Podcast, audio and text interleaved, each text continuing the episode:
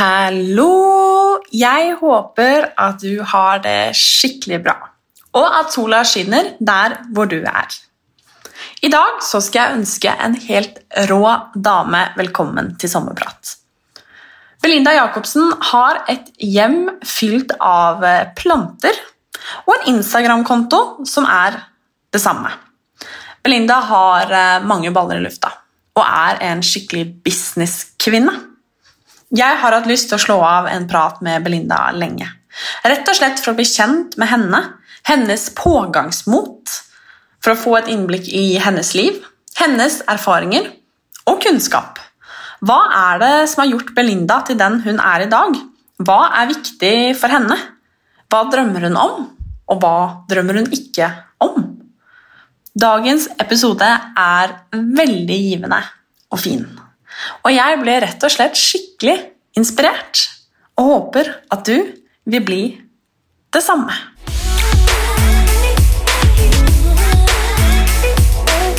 Skal vi bare dra i gang, da, eller? Yes! Så hyggelig, Belinda, at du har lyst til å være gjest i eh, podkasten min. Tusen takk for at jeg kunne komme. Det er egentlig meg som skal takke deg, for jeg tror at jeg har manifestert dette. Ja. Fordi jeg har hatt lyst til å være i din pod siden du starta denne poden. Herregud, så hyggelig. Altså, Jeg Mhm. har eh, også hatt superlyst til å, til å prate med deg, og som jeg sa, så er du eh, Du er liksom Jeg syns du er så klok, jeg syns du har så mye fint å komme med. Du, en sånn, du tilfører en sånn ro i mitt sosiale medieunivers. Deilig å høre. Kanskje fordi at du er det, Nå skal ikke jeg altså, være frekk her, liksom, men eh, kanskje det er fordi at du er en av de litt eldre som jeg eh, følger. At det er en litt sånn, eh, sånn morsro, en litt sånn klok eldre ro over det. Jeg vet ikke.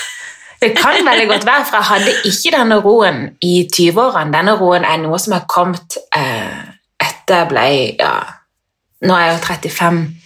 Eh, jeg trodde forresten at jeg ble 36 i år. Eh, så da jeg fylte år og eh, ble påminnet om at jeg ble 35, så hadde jeg jo vunnet et nytt år. Så jeg ble helt sånn, woohoo. Men um, denne roen kom da i, voksen, i godt voksen alder.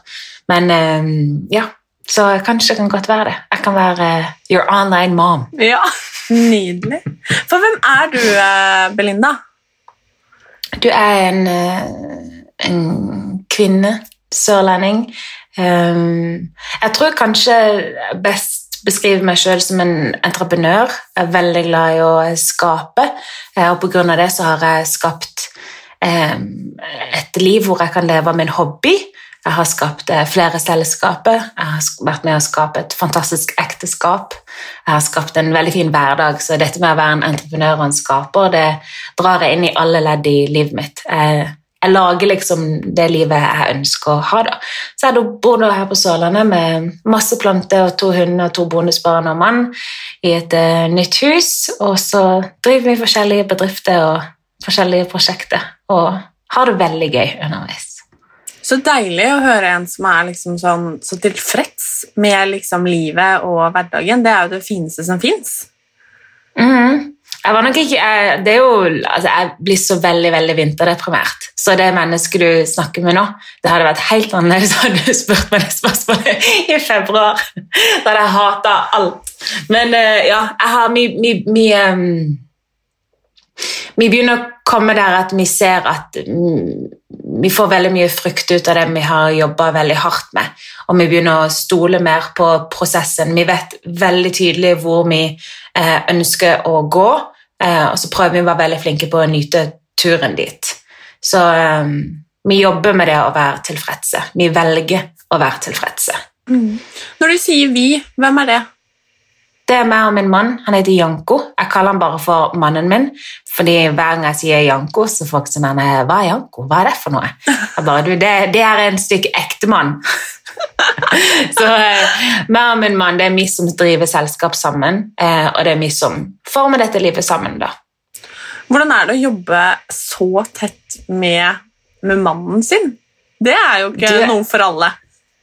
Nei, det tror jeg absolutt ikke. Um, vi har aldri gjort noe annet. Vi vet ikke noe annet. Vi flytta sammen etter fire dager. Hva? Um, ja. Wow! Jo, jo. Eh, jeg, var, jeg var hjemme, jeg bodde egentlig i California, så var jeg hjemme fordi min far hadde fått kreft, og så mista vi min far til det. Og så mm, eh, hadde jeg leid meg en leilighet for en eh, liten periode. bare, Jeg skulle bare vente ut semesteret og hive meg på neste semester i USA istedenfor å komme ned midt i. Um, og så ble vi satt sammen pga. noe jobb, og han. Um, og så kom han til meg en dag. Jeg satt på Waynes kaffe og jobba på nett. Så sier han til meg du, jeg har tenkt litt. Jeg vil gi deg 24 timer på å bestemme deg på dette. her. Eh, enten så drar du tilbake til California og lever livet der, eller så flytter du sammen med meg. Vi blir sammen, vi starter eget selskap, så ser vi hva som skjer. Så ga han meg et kyss, og så gikk han. Og jeg var helt sånn her, Hæ? Hva søren er det som skjer? Jeg tenkte, Skal du ikke be meg ut på en date eller noe først? Men det var, eller jeg trengte at han gjorde det. Så hørte jeg da på, hørte på Radio Energy mens jeg satt og jobba. Så han gikk ut, så tok jeg tilbake igjen øreproppen i telefonen min, nei, fra dataen inn i øret, og så kom sangen på When a Man Loves a Woman. Og det var den sangen som min pappa alltid spilte til min stemor, som han elska høyere enn noe. Og jeg har alltid sett veldig opp til de sitt forhold. da. Så da hadde jeg nettopp mista min far, den faren som han dedikerte kontinuerlig hele tida til sin kone, det var den som kom på. Så da tok jeg det som et tegn fra oven. Så sendte jeg en melding til henne og så skrev jeg ok, deal, jeg blir. Og da begynte vi å, gikk vi dagen etterpå og begynte å kikke på leiligheter. Altså, det er helt fantastisk. Altså, nå ble jeg både rørt og fikk gåsehud og altså Wow! Men da, altså, da hadde dere truffet hverandre bare i jobb. Mm. Eh, var, du, var du betatt? Du, jeg var ekstremt um, uh, med, Jeg vet ikke hvordan jeg skal forklare det. Jeg har aldri vært en sånn person som blir veldig fort betatt eller forelska, men um, det føltes som om noe inni meg connecta med noe inni han, og at det var aldri noe spørsmål. Det var bare et spørsmål om hvordan vi skal få det til for at ikke ting skal gå til helvete underveis. For det, blir, det er veldig vanskelig å han kom rykende fersk fra en skilsmisse. Jeg hadde egentlig solgt alt jeg hadde i Norge og skulle aldri bo i Norge igjen. Jeg skulle bare bo i California. Um, og så sto jeg i en superdepresjon og traume og måtte gå i traumeterapi etter jeg mista min far.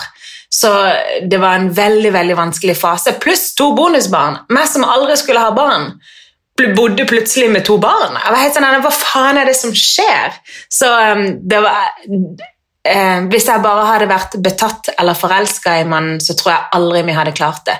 Men vi følte begge to at her er det et eller annet, og vi må bare stole på det, og så vil alt på en måte falle på plass. Så jeg tror at jeg kanskje Nei, jeg hadde alltid den forelskelsen, men jeg gikk veldig fort på å elske han av hele mitt hjerte. Så det, og det jo samme gjorde han med meg. Det gikk superfort. Eh, og så kom den forelskelsen. Den kom eh, litt etterpå. Wow. Så det begynte med dyp, dyp, insane kjærlighet. Klarer ikke å være fra hverandre. Må bare kikke hverandre i øynene og finne ut av hva er dette her for noe. Og så kom liksom sommerfuglen i magen litt senere. Herregud, så fint. Ikke akkurat typisk liksom, moderne liksom, dating. Der det er uh, altså dette spillet, og det er Tinder, og det er hard to get, og det er, man må date så og så mange måneder før man kan så, og man dater gjerne noen andre samtidig, og dette her. Så dette var jo helt deilig og befriende å høre. Ja, det var det. Var, det, var det. Når jeg ser tilbake, så har det vært helt sånn Wow, hva tenkte vi med? Hva tenkte han med? Han kom fra en skilsmisse, han hadde to barn. Jeg skulle bo i California, jeg var jo det mest ustabile mennesket på denne jord. Men eh, jeg, spurte han nylig òg, hva, hva skjedde der? Hva skjedde da? Hvordan ble det til at vi bare Let's do it. Liksom, eh, grip tyren med hornene, det jeg sier. Men han klarer ikke å forklare det, han heller. Det var bare den der underliggende kjemien eller underliggende connectionen mellom han, han og meg som bare Ok, dette her får vi til. Og så hadde vi jo ingenting da. Vi eide ingenting. Vi sto der i en leilighet, vi, ikke, vi hadde ikke en sofa, vi hadde ikke gaffel, vi hadde ikke kniv. Vi hadde ikke, jeg hadde ikke vinterklær, jeg hadde ikke vintersko, jeg hadde sandaler, og det var vinter. Vi hadde absolutt ingenting, så vi måtte liksom ringe rundt og bare Er det noen som kan gi oss noen håndklær? Er det noen som har noe sengetøy til overs? Er det noen som tilfeldigvis har sofa? Seng fant vi på finn.no, 1000 kroner. Og så tenkte vi at vet du hva, nå har vi ingenting. Og nå sier vi opp jobbene våre, så starter vi bedrift. og så klarer vi Og det er jo bare fire år siden. Og nå har vi da et AS med fire ansatte og kjøpt oss et stort, fancy hus. og nettopp kjøpt nye biler. Ja. Så det, det, er veldig gøy å se hva som har skjedd. Herregud, så fantastisk. Ja. Altså, så det er derfor jeg kaller meg selv en skaper. Ja, altså, wow. Fordi... Shit, ass. Og ja, det jeg syns er litt fint med deg, fordi nå er du 35, og dere hadde da vært sammen i var det fire år, du sa? Mm. Mm. Og dere er gift òg? Mm. mm. Snart to år. ja. Eh, at det var din første liksom, kjærlighet.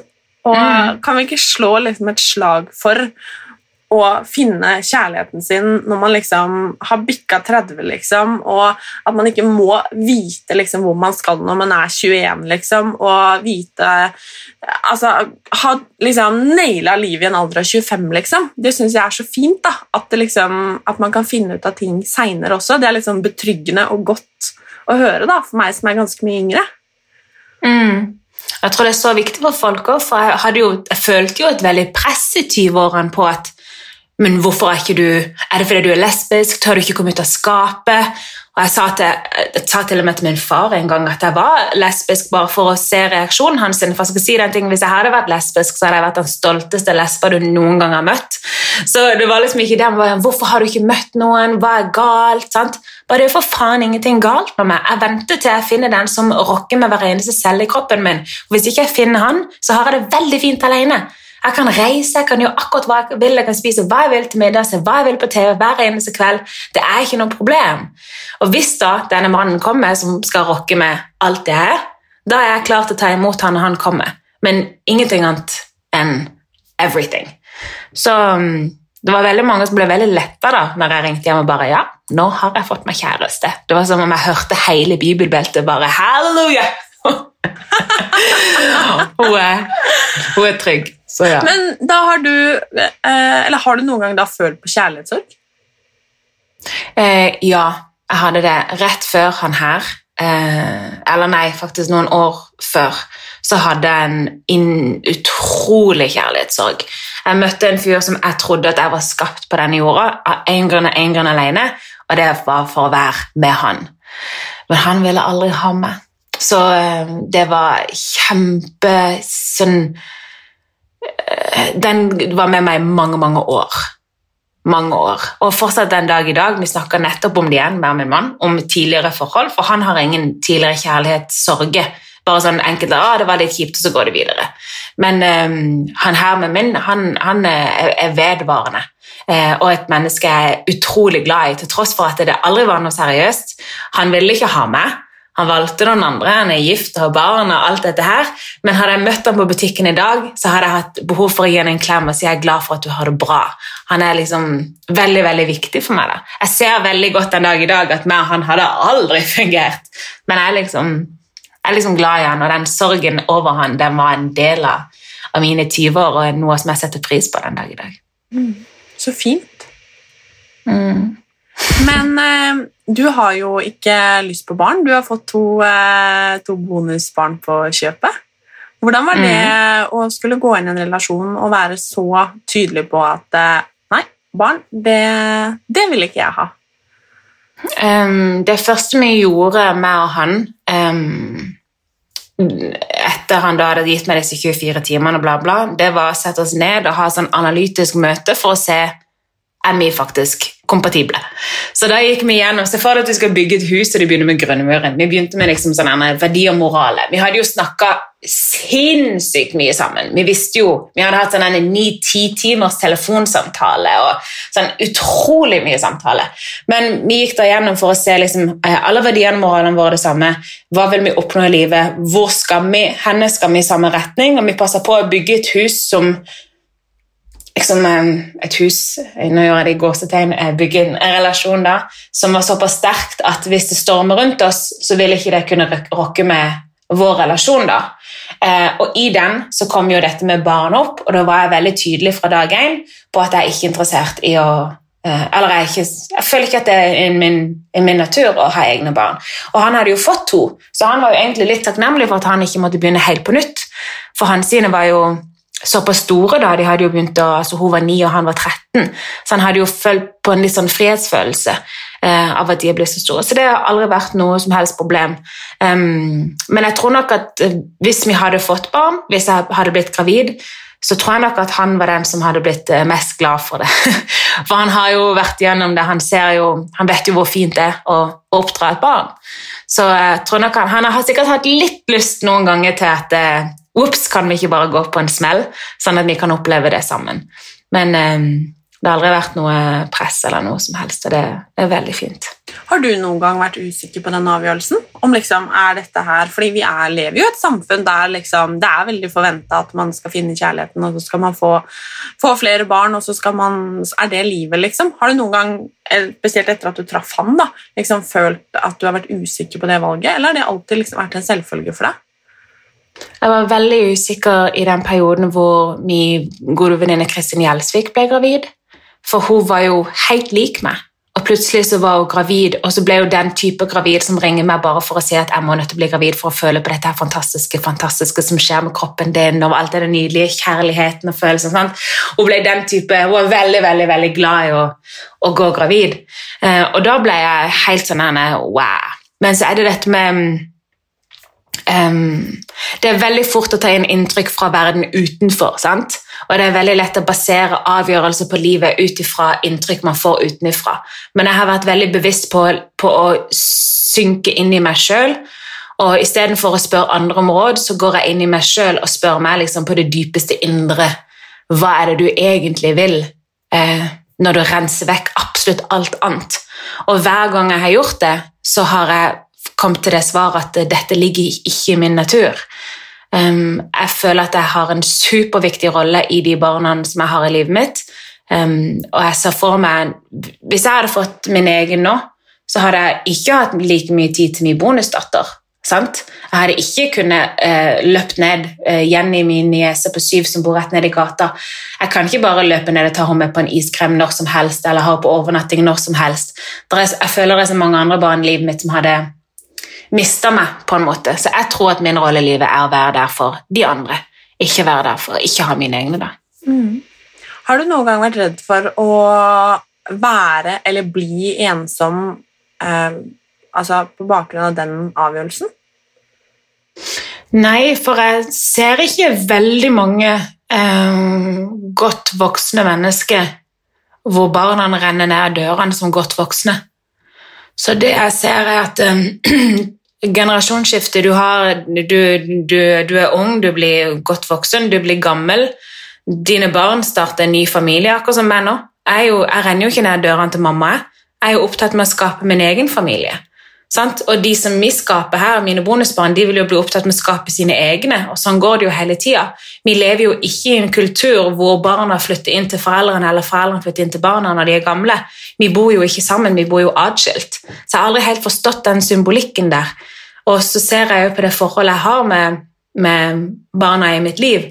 Og jeg tror jo at de vil renne ned dørene til meg sikkert mer enn det de vil renne ned dørene til sine foreldre, for de er den kule tanta som sier ja til absolutt alt, og de som sniker til de ting de ikke egentlig har lov til å få bak eh, ryggen til andre, og den som gir de veldig dyre gaver.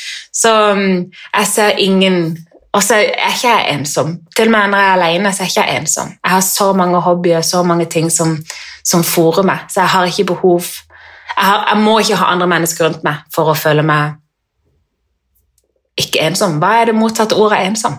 Det er et godt spørsmål, faktisk. Eh, Ja. ja, det vet jeg ikke. Jeg vet ikke, Men jeg føler at om man klarer å trives i eget selskap, om man ikke er og blir ensom i eget selskap, så er jo kanskje det å være tilfreds. Jeg vet ikke. Tilfreds, ja. Mm. Altså tilfreds med situasjonen og hvordan man har det. Og det tror jeg er eh, et stort steg da, for veldig mange, å komme dit at man klarer å være tilfreds uten på en måte å være avhengig av andre. Enten som i selskap eller bekreftelse. Der, der er mm, Jeg snakker mye med venninner om, om litt sånn dypere ting, da. Så er det et spørsmål som, som vi stiller hverandre veldig ofte nå i denne fasen, som er uh, Who am I becoming? For, for eksempel da vi, når jeg og min mann da, back in the days, leide et hus, satte opp noen billige pulter fra Ikea, åpna opp en data vi hadde kjøpt på kreditt, det begynte å klunke av gårde, for det her skal vi starte selskap. Da visste jo ikke vi at det vi skapte da, det er det livet vi har nå. Sant? Så er det, vi er veldig bevisste på dette med who am I becoming? Hvilke valg er det jeg tar i dag for mitt fremtidige jeg? Hvem, hva er det jeg holder på å skape? Og så er det jo dette med at vi som mennesker vi er jo gjerne skapt på bakrommet. Vi er veldig ofte i et utstillingsvindu og vi skal vise liksom til hele verden hvem vi er. Men den vi faktisk er, der vi faktisk skaper oss sjøl, det er jo når vi er alene. sant? Det er når, vi, når ingen ser oss. Hva er det du spiser når du er helt alene og ingen kan se deg? Mot, I motsetning til hva du fronter til verden. Hva slags TV-serie eller hva underholder du deg med? Når du er helt alene kontra hva du viser til verden, eh, hva slags musikk, hva slags menneske, hva gjør du? Tar du en løpetur, eller ligger du på sofaen? Ikke at det er noe galt å ligge på sofaen, jeg velger som regel det alternativet, men det er liksom Who am I becoming? Det er liksom på bakrommet man skaper oss sjøl. Eh, og jeg har jo vært veldig klar i eh, hvem det er jeg ønsker å skape. Jeg kan på en måte dra meg sjøl litt ut av livet mitt akkurat nå, så ser jeg liksom fortid nå og fremtid. Og jeg jo, hvis jeg hadde følt meg ensom eller i mangel på barn i min fremtid, når jeg ser på meg sjøl som 40, 50, 60, 70 år, så hadde jo jeg måttet gå inn i, i nå og endre, for det er jo her jeg skaper det som jeg holder på å bli. da.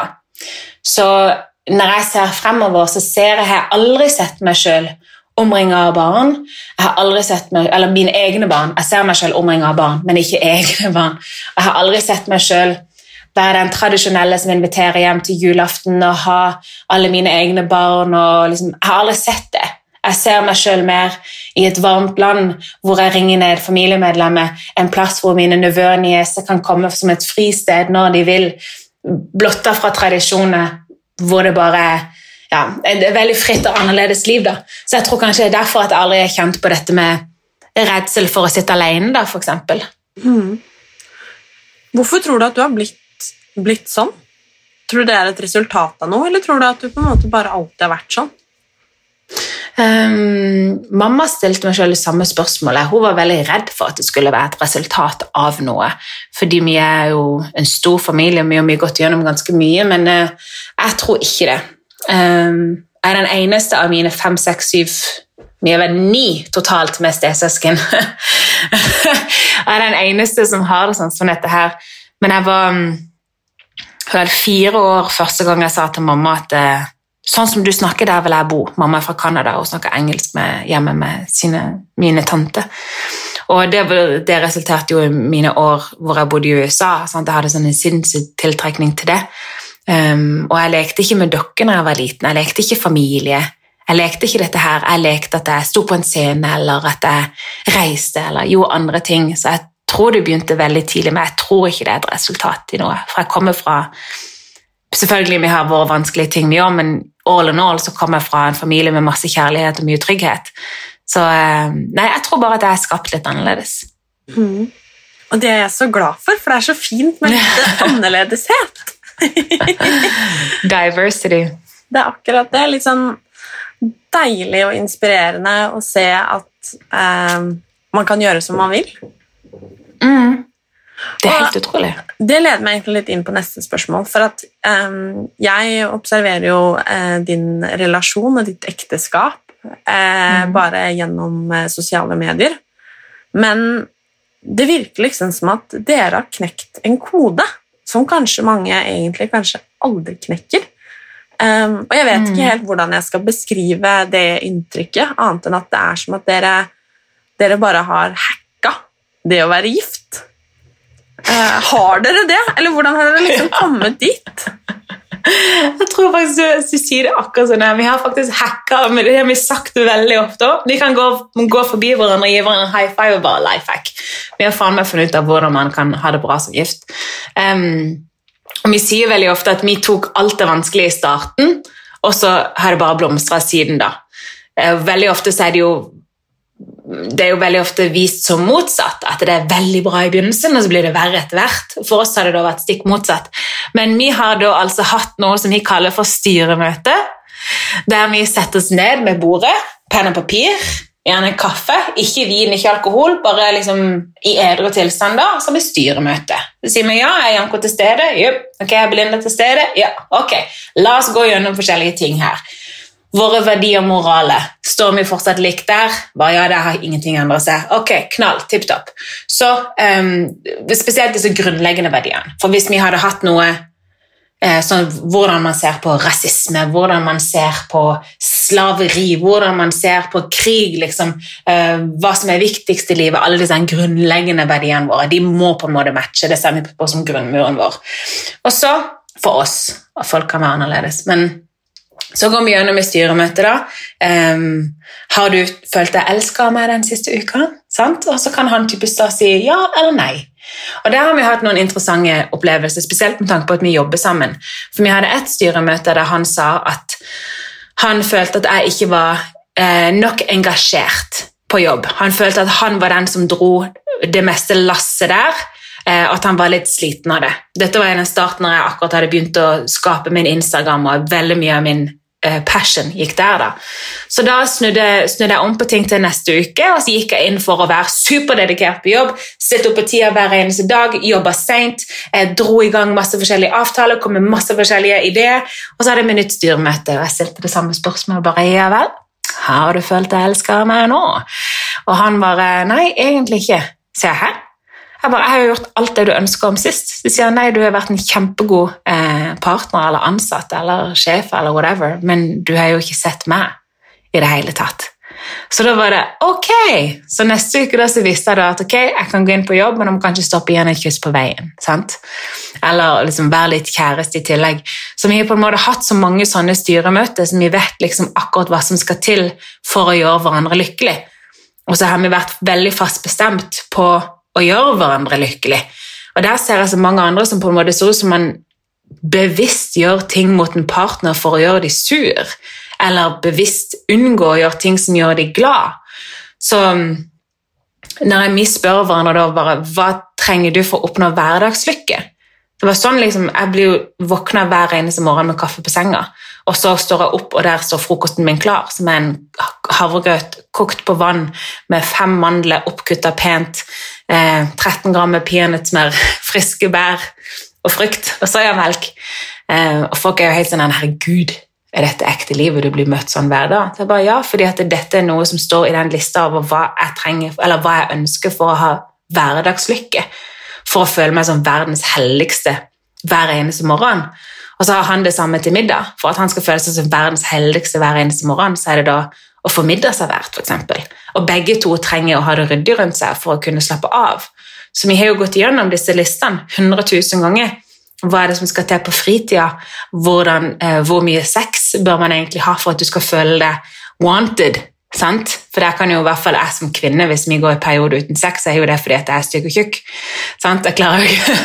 Så vi har på en måte vært gjennom så mange styremøter, så mange samtaler, at jeg vet ikke hvor det skulle gått galt. Sant? Så sånn sett har vi life hacka. Og det er noen ganger når jeg snakker med venninner, de sier at det går dårlig hjemme. Så sier jeg ok, hvor er det det går dårlig?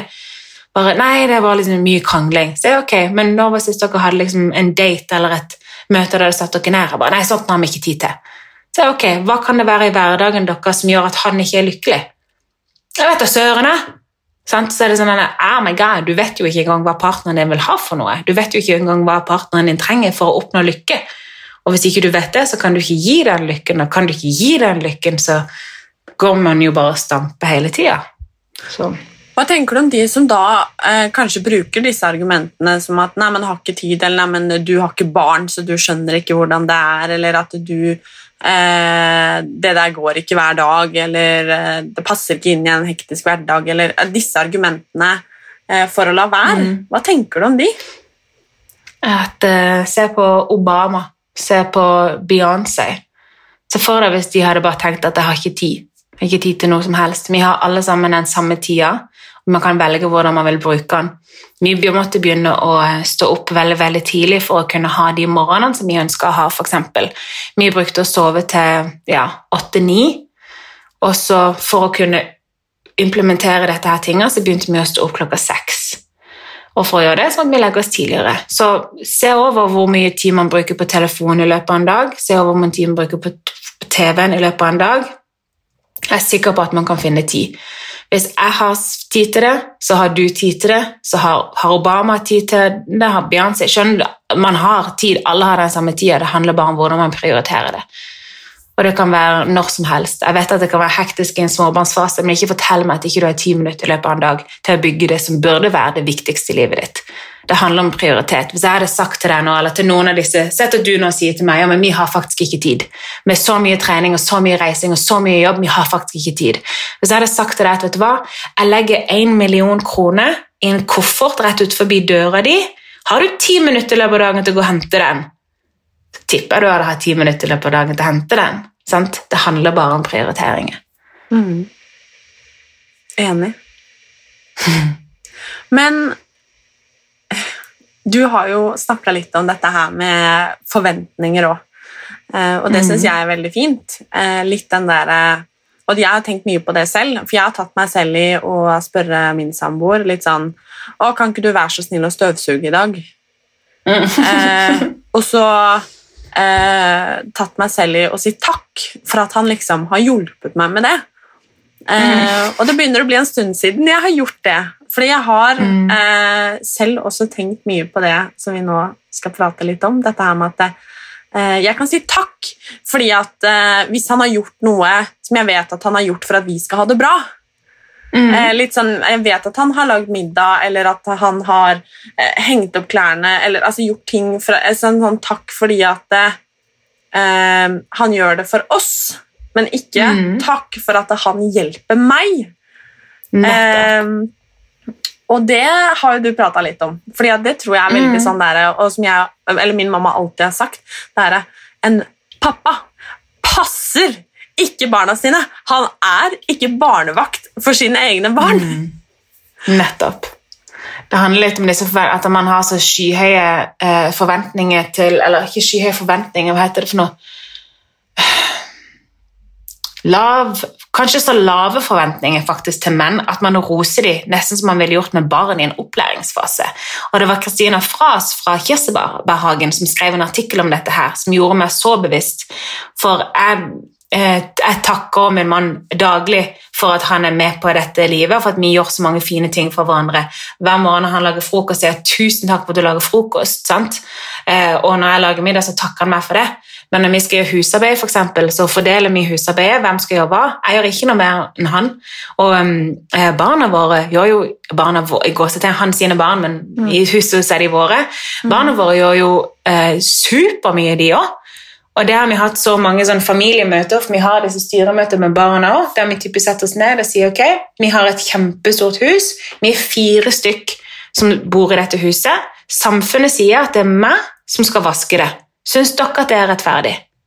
Og det sier jo de nei, de syns ikke det er rettferdig i det hele tatt. Da bare kan man dele med dette, fire hus, dette huset i fire, og så tar vi en liten vasketur.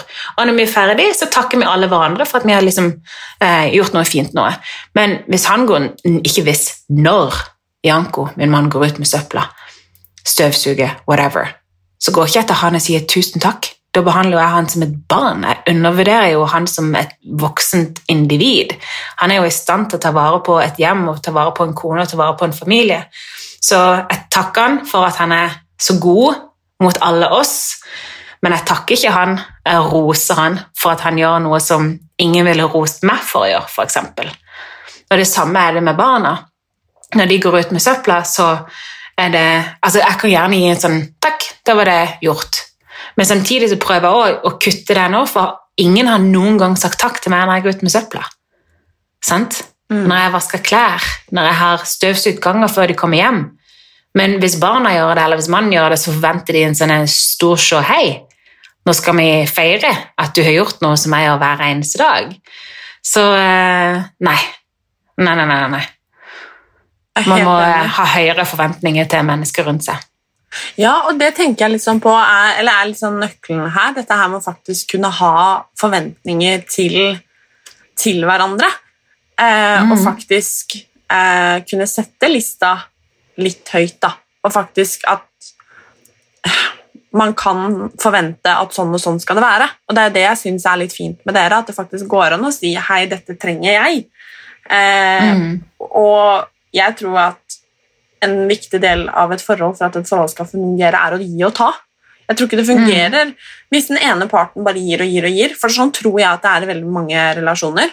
Eh, Mm. Og det skal ikke være sånn at den ene parten altså, blir utslitt av å styre og holde på og liksom styre skuta hjemme, da, fordi at den andre Mm. bare sitter på. Mm. Eh, så jeg syns det er eh, superviktig. Og så er det bare å tåle de kampene du må gjennom å ta for å komme dit. Vi hadde jo Husker jeg første gangen han En av de første gangene vi, vi akkurat flytta sammen. Eh, vi krangla for ingenting. Og så jeg var ferdig å spise middag, så skulle han hjelpe til. da. Kjempeflink mann, så han løfta tallerkenene fra bordet og over på kjøkkenbenken. Så sa jeg da hva, hva, liksom, Hvorfor setter du dem på kjøkkenbenken? Han bare nei, jeg rydder jo av bordet. Så ok, hvem skal sette det inn i oppvaskmaskinen? Han bare Du? Se, hvorfor skal jeg gjøre det? Du, du er jo på, du jo tatt ryddevakten opp på kjøkkenet. Rydde noe på kjøkkenbenken, og så tenker du bare på et magisk vis så kommer kvinnen i huset inn og fikser det. Jeg, bare, jeg er ikke den magiske kvinnen som på, på finurlig vis kommer inn og fikser de tingene. Fiks det sjøl, liksom. Og jeg husker han bare ja, men dette her gidder han ikke, han flytter ut. Jeg bare ok, tipp topp, snakkes pakkes, dette her orker jeg faktisk ikke, sant. Så eh, jeg var så sta så lenge på at jeg kommer ikke til å bli den kvinnen som bare på et magisk vis fikse alt, mens de da skal få applaus hvis de bidrar til hjemmet. Og vi hadde så mye krangler, du aner ikke om dette her. Det var at vi overlevde det, det fatta jeg ikke. Men sakte, men sikkert så begynte han å forstå det, og sakte, men sikkert så så jo han at vent litt, hvis jeg bare rydder opp kjøkkenet etter middag, så er jo hun skikkelig lykkelig. Og alt jeg vil i livet, det er å ha en lykkelig kone eller en lykkelig kjæreste. sant? Så vi begynte liksom å se, og det var sånn vi liksom lifehacka. bare, aha, Hvis jeg gjør dette, så er du glad. Hvis du gjør dette, så er jeg glad. Hvis vi gjør sånn her, så er jo alle glad. Da er det ikke noe problem. Vi krangler jo ikke. Vi krangler ikke fra vi går inn huset til vi går ut. Ja, vi krangler ikke om klesvask eller oppvask eller husvask eller middag eller noen ting. Fordi vi har jo på en måte forstått hva som skal til. Så nå har vi sånn en supergrei eh, løsning på det, men det var vel to år med supermye krangling. Krangler dere noen gang nå? Ja Vi krangla eh, Oi, jeg husker ikke. eh, vi hadde en veldig, veldig vond misforståelse i januar. Eh, eller var det i romjula? Jeg husker ikke. Det var i liksom, midt, midtvinter. Um, og da var det ikke, ikke krangel, men bare sånn sårt. Sånn gråting. Sånn 'Hvordan skal vi få til dette her?' type greie. Men eh, sånn krangling Nei. Vi gjerne, vi driver jo masse bedrifter sammen, så vi kan gjerne bli litt irritert. Men det er alltid utenfra. Og det er jo fordi vi har bygga dette her huset som jeg hele tiden refererer til. Så det kan storme på utsida noen ganger, men det stormer aldri på innsida. Så vi kan oppleve ting fra utsiden som kan være sårt, eller utsiden som kan være vondt, men aldri noe som på en måte har gått inn inni mellom oss og laget et problem. Så nei, svært lite. Mye diskusjoner. Svært lite krangling. Men det er sunt å diskutere litt. Ja, det er jo nesten hver dag. Men du har jo eh, hva skal man si, vokst deg, eller skapt, eh, hvis man skal snakke som Belinda Jacobsen, skapt deg en, eh, en ganske så stor profil på Instagram etter hvert også, i tillegg til alt det andre du holder på med, og alt det andre du har skapt. Mm. Mm, Hvorfor hadde du lyst til å begynne med sosiale medier i utgangspunktet? Fordi det var ei på et agentur i Oslo som sa at jeg ikke kunne gjøre det. Så det var egentlig sånn det starta. Jeg ble ledd av på et agentur, jeg så lyst til å navngi dem, men jeg skal ikke det. Eh, De, de lo høyt av meg og sa at det er aldri noen gang noen som kommer til å følge noen som har en Instagram om plante. Og da ble jeg bare sånn Fuck you all! Nå skal jeg vise dere eh, hvordan, eh, hvordan dette her eh, Jeg skal vise dere at, dere tar feil. Så jeg starta da um, en Instagram om planter. Um, og det kom jo, jo ut ifra Jeg tenker Jeg hadde nettopp mista min bestemor. Eh, hun var liksom, Vi kaller henne for the mother of all plants i vår familie. For det er hun som har sådd frøene rundt til alle oss. Vi er en kjempestor familie, og alle er planteinteresserte. Så jeg er kanskje litt ekstrem. Jeg er veldig glad i å gå i dybden på alt det jeg gjør. Så da bestemor lå for døden, så det jeg gjorde var at jeg kjøpte planter, og så facetima jeg henne, og så fortalte jeg henne om disse plantene, og så hadde vi på en måte den connectionen. Og det var en veldig fin connection, jeg satte veldig pris på hva hun kunne lære meg, og hva jeg kunne lære henne i retur. Så tenkte jeg, men herregud, hele Norges befolkning, nesten alle, har jo en plante. Til og med du har en plante, Ja. sant? Og tenk så deilig hvis du kan åpne Instagram da, og noen kan fortelle deg hvordan du tar vare på akkurat den planten.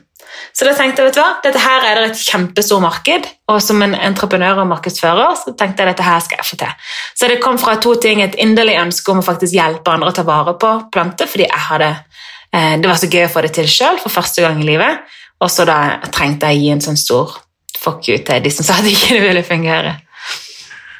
Og det har jo fungert. Altså virkelig. Det har fungert. Det har fungert veldig bra. Det er jo helt fantastisk. Hører du hundebjeff nå i bakgrunnen? Ja, litt, men det går fint. Hvis det, var, eh, hvis det går fint med dem, så. Unnskyld meg. Hva er det for slags? Uaktuelt. Inn.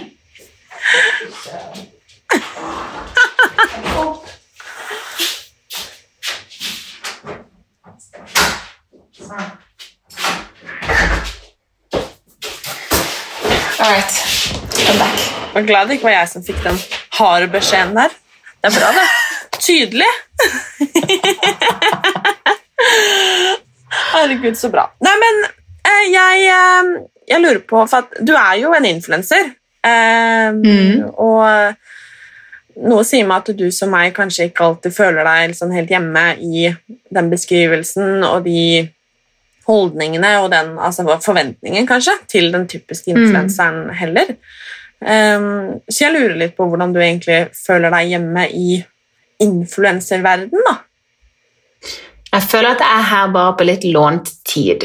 For igjen tilbake til dette med who am I becoming, så trenger jeg nå å starte en, en plattform og bygge den stor for å kunne gjøre det som jeg har lyst til å gjøre på den plattformen.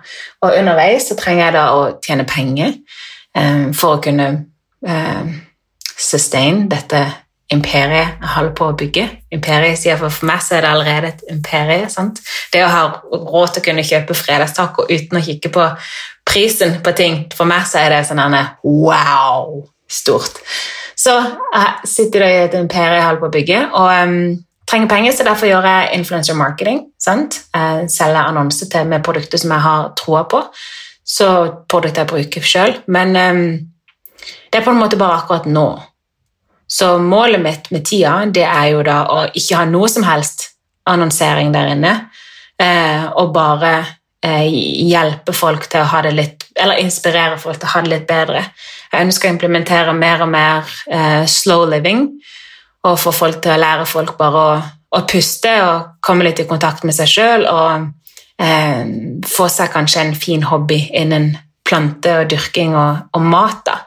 Så eh, jeg står i denne influenseren akkurat nå. Jeg reklamerer for posters og klær og ting og tang og plante og potte. Og, men med tida så tror jeg nok ikke at jeg kommer til å gjøre det. Hva er det du drømmer om? Sånn hvis du øh, skal se enten ti år fram i tid, eller sånn, hva er det liksom Dette har jeg aldri sagt til, sagt til noen utenom de i huset her. Ok, Um, vi ønsker å ha et hus i, eh, i utlandet, et varmt hus, hvor jeg kan dyrke grønnsaker. Jeg ønsker å drive en nettside hvor jeg inspirerer, legger ut oppskrifter, plantebaserte oppskrifter, men ikke basert på smak eller basert på um, at dette skal være liksom akkurat som en pizza, bare en vegansk pizza, eller det skal være akkurat som bla, bla. Jeg ønsker at det var oppskrifter basert på næringsinnhold. For per i dag så vet man bare gjerne kaloriinnhold og kanskje hvor, hvor mye antall protein og karbohydrater, bla, bla. Men hva med alle de vanvittige næringsstoffene som faktisk kan gå inn og fikse veldig mye i en kropp? Som regel vet vi ikke hva, hvordan man setter sammen et sånt måltid. Vi har ikke lært det. Og Du kan spise en cæsarsalat eller du kan spise en Big Mac, og det er samme antall kalorier, men hva har du egentlig fått i deg næring i da, og hva mangler du? Så jeg begynte å spise plantebasert, stort sett. Eh, Henne ryker på en smell, altså. Men jeg begynte å foretrekke plantebasert mat for noen år siden eh, som en resultat av at min far var veldig syk, og jeg var egentlig veldig imot det å spise plantebasert. Jeg trodde ikke at mat hadde noe særlig med helse å gjøre. Eh, jeg trodde det hadde med mental helse å gjøre, at du blir glad av å spise liksom, sjokolade, pizza, dette her. Men så begynte jeg å tilføre næring i livet mitt, i kostholdet mitt, og så forsvant psoriasisen som jeg har hatt siden jeg var 17 år, og gått på sånn Elokon-medisiner fra, fra legen. Jeg har hatt sånn kronisk betente mandler som måtte skylles, fordi jeg har alltid vært sånn betent i sikkert ti år. Det forsvant. Pollenallergi som jeg har vært, hatt så heftig at jeg ikke kunne vært utendørs nesten, det forsvant. Mine nøtteallergier forsvant. så alle mine problemer på en måte, de forsvant. Huden min som jeg hadde så mye problemer med, jeg hadde så mye hudormer og ikke akne, men uh, talgproduksjon, alt, alt bare forsvant. Um, og mye av mine depresjoner forsvant. Så um, da tenkte jeg at herregud, dette her har jeg lyst til å vise til andre òg. At hvis du bare tilfører litt næring i livet ditt, i kroppen din, i maten din, så kan faktisk livet ditt føles så sinnssykt mye bedre. Så om fem-ti år til så har jeg da et kjempefint hus i et varmt land. Og jeg da dyrker egen mat, og jeg jobber sammen med et team. Og så lager vi måltider som vi legger ut på en nettside basert på næringsinnhold. Sånn at du vet at når du har spist denne her, så har du fått absolutt alt det du trenger til det måltidet denne dagen. Og så merker du kanskje sjøl òg at plager du har i kroppen din, faktisk sakte, men sikkert forsvinner. Så det, det er den som jeg håper at jeg er becoming. Så, så mat jeg, mm. det kan egentlig være medisin? Ja, 100 De har jo sagt det i så mange år, når du går tilbake til Sokrates, til Plato, Einstein Alle disse her har jo skrikt det til oss i 2000-3000 år. Og så er det liksom ingen som lytter, fordi det er så sykt godt med en Big Mac. så um, ja, vel, jeg har studert dette her nå i, i, i mange år, og um, så absolutt så er mat uh. Så spennende. Det håper jeg virkelig at du får til. Mm. Ja, jeg tror det kan gjøre det. Jeg gleder meg veldig. Jeg tenker ikke så mye på om jeg får det til, jeg gleder meg bare til det skjer. Ja. Så uh, jeg gleder meg veldig. Jeg tror det blir bra det føles veldig godt. Så blir man jo veldig sånn avhengig av den man blir veldig avhengig av den, eh, den rushen man får i kroppen av å spise sunt over tid. Sant? Når man får F.eks. i fjor i januar i fjor så kutta jeg sukker for første gang. og Jeg har aldri vært så veldig på sukker. Jeg er ikke sånn veldig mye godteri. eller noe sånt. Så jeg tenkte dette blir easy-peasy. Kutte sukker. Kan vi ikke merke det engang? Jeg, altså, jeg, gikk bare, jeg gikk bare i, i, i sirkler inni stua mi. Jeg var på så sykt withdrawal. Jeg hadde så issues. Men da det hadde passert en måned og hadde klart meg uten noe som helst, verken kunstig søtning eller sukker, så følte jeg meg altså Det var sånn at Øynene var helt klare, jeg var full av energi, super sharp, ingen cravings. Og bare sånn her, Oh my God, dette livet er jo helt insane. Sant? Og så blir man veldig avhengig av den følelsen. Wow. Men hvis du skulle liksom komme sånn til meg da, og de som lytter nå, sånn tre tips, sånn enkle tips til hva man f.eks. burde da eh, ha i kostholdet sitt hver dag, f.eks. Eller tre ting som du spiser eller sørger for å få i deg hver dag for at du på en måte skal ha det, ha det bra. da.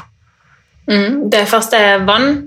Eh, det er veldig mange som eh, drikker den, eh, væsken, dagens væske i brus eller saft. Venn deg til å drikke vann. Det renser kroppen, det er superbra for deg. Eh, nummer to er kanskje faktisk eh, igjen Nei, det går, det går inn i vann. Så vann med sitron, vann med eplesider eddik, som jeg sitter og drikker på nå. Det høres skikkelig ekkelt ut, utrolig godt. Um, så vann i forskjellige former med naturlige ting, med ingefær, med mynte, med uh, Kokumba. Har du sett den YouTube-videoen med han som snakker om kokumba? Cucumber. Nei. Eh, agurk heter det. Det er en Ja. gammel mann som sitter på YouTube og snakker han om alle fordelene med agurk. Kokumba, sier han. Jeg skal sende den til deg etterpå. Det er veldig gøy. Uansett. Agurk, da, ikke kokumba. Eh, og så vil jeg eh, si eh, salat. Jeg tror at, jeg mener at uansett hva du spiser til lunsj i løpet av en dag, om du spiser en Big Mac eller pizza eller skive med Nugatti eller skive med ost eller eh, whatever, tilsett salat. Og så går du for de mørke salatene, som er liksom spinat, ruccola disse her. Jo mørkere salatene er, jo mer næring. Så jeg hadde kutta opp masse grønn salat. I mørket ikke isbergsalat, det er ikke så mye næring. Og så paprika, agurk, mais, whatever du liker oppi. Så tilfør en salat til lunsjen din hver eneste dag, og bare det vil du merke masse masse forskjell av. Um, og herlighet med å tenke. Siste.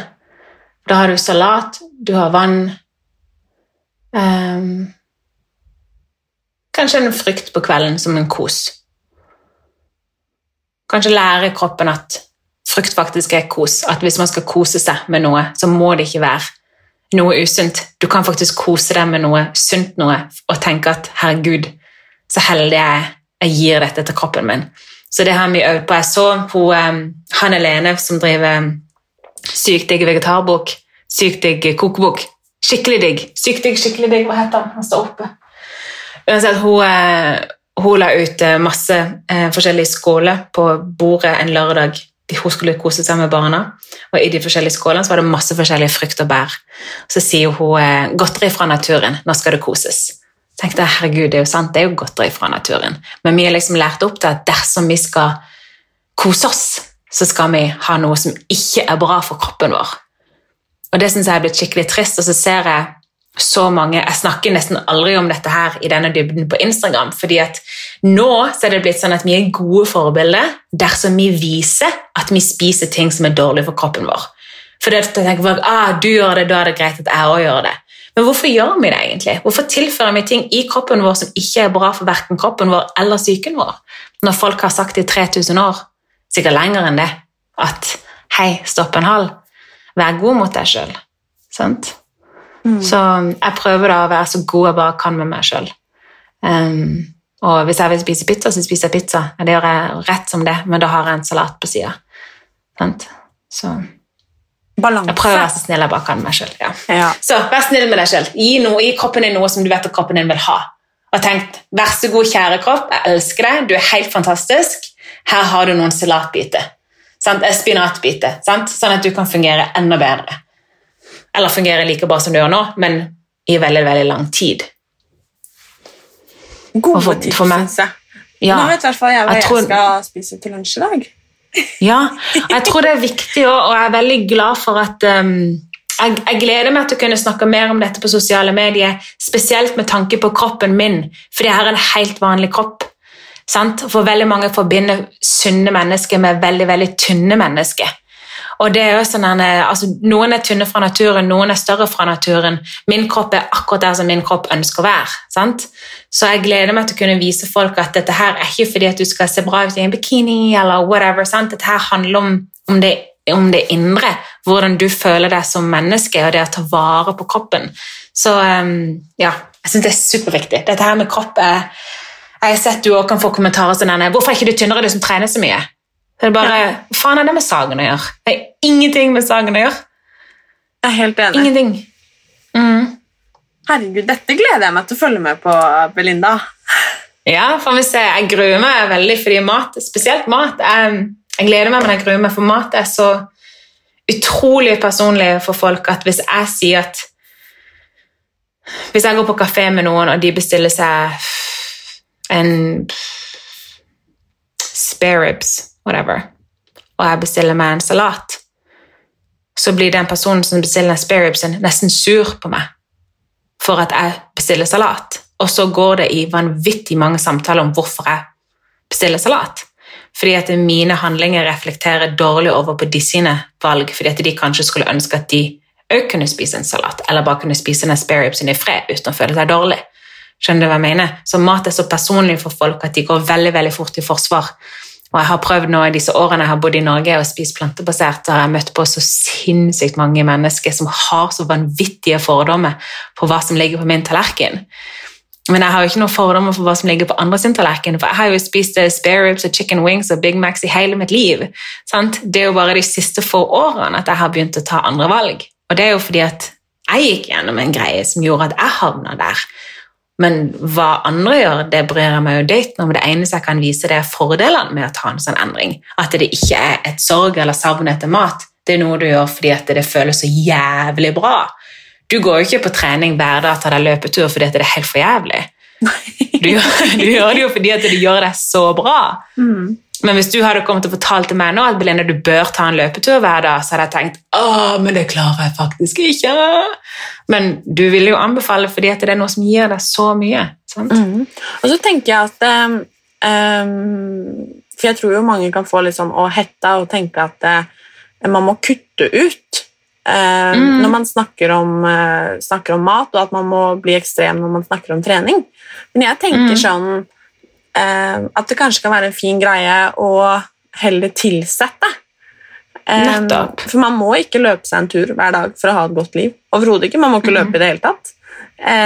Men det å kanskje eh, bestemme seg for at ok, én dag i uka, eh, hvis man f.eks. Mhm. aldri trener, eller beveger seg, da, som jeg liker å si, kanskje man skal mm. begynne med å gå seg en liten tur, da. Eller begynne med å gå trappene i stedet for å ta heisen. Mm. Gjøre sånne små, gode valg i hverdagen, og kanskje man ikke kan huske sist man spiste salat. Kanskje man da skal mm. tenke at ok, i dag så skal jeg, skal jeg spise salat. Eh, Mhm. Og at det ikke er et must at man må gjøre det i morgen, men at man begynner i det små. da. Eh, Med å ta sånne små, gode valg. fordi at eh, jeg tror det er det som, det som fungerer. Det er i hvert fall det som fungerer for meg. Å å tilsette, ikke fjerne. Um, fordi at hvis man tilsetter det gode, eh, så tror jeg kanskje at man vil ha mer av det gode også. Nettopp. Mm. Hvis du lager deg en kjempedigg smoothiebar på kvelden, så har du kanskje ikke lyst på en iskrem etterpå. Så, og det samme med å, å begynne i det små. Jeg begynte med frokosten. Så tenkte jeg jeg skal naile frokost. Jeg skal google meg i hjel. Jeg skal finne ut til den frokosten som gir meg masse energi. Og aldri så tenkte jeg på å nei, jeg må kutte ut brød, jeg må kutte ut brød, jeg må kutte ut brød med salami. jeg må kutte ut brød. Tenkte bare hva jeg skal gi til kroppen min, og jeg gleder meg så til det. Og så gikk jeg sakte, men sikkert over fra det over til lunsj, og så på en måte bygga jeg hele dagen sånn. Men det tok meg jo mange år. Og jeg har aldri tenkt på å nei, jeg kan aldri mer spise pepperoni igjen. Jeg kan spise pepperoni akkurat når pokker jeg vil, men jeg har ikke behov for det nå, for jeg har jo gleder meg jo til de grønnsakene jeg skal lage som gir meg så mye glede, sant? som får kroppen min til å føle seg så bra, som har fiksa så mye hos meg. Så mm. bare tilsette liksom, og glede seg til å, å gi, gi noe. Hvis du har kjøpt en gave til noen du skal gi til de andre, så går ikke du hele veien og tenker faen, faen, faen, faen, faen, jeg skal gi dette fra meg. Du gleder deg jo til å gi dette til et menneske du er glad i. Og litt sammen kan det være med hvis man gjør endring i livet sitt òg. At man må ikke holde så fast på noe som kanskje ikke er bra for deg, og heller bare gi litt slipp og begynne å behandle seg sjøl bitte litt bedre. Det syns jeg var gode råd, Belinda. Åh, du er så klok og så fin og inspirerende. Jeg kjenner i hvert fall at jeg er superinspirert eh, til å rett og slett eh, ja, være litt god mot meg selv etter å ha prata med deg. Det er godt å høre. Jeg er sikker på at vi kunne prata i eh, timevis. Det tror jeg òg. Det er sikkert og visst, men eh, du er hjertelig velkommen tilbake, du. Så for vi har mye mer å prate om, så det får vi ta igjen seinere. Det gjør jeg gjerne. Så må jeg bare si tusen, tusen takk for at du hadde lyst til å være med. Det var eh, ordentlig fint. Takk for at du ville ha med dette det dype pratet.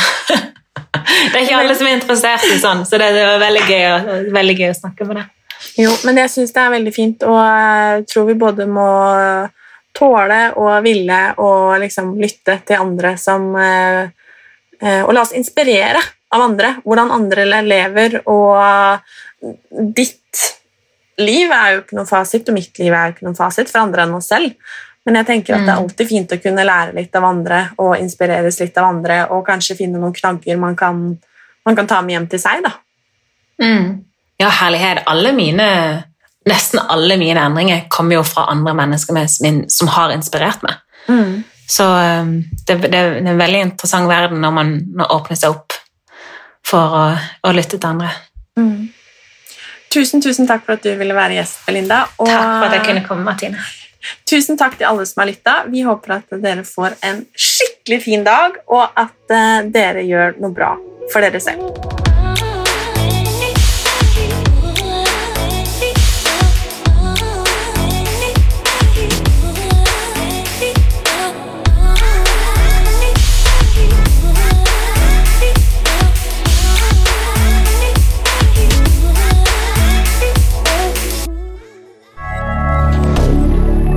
moderne media.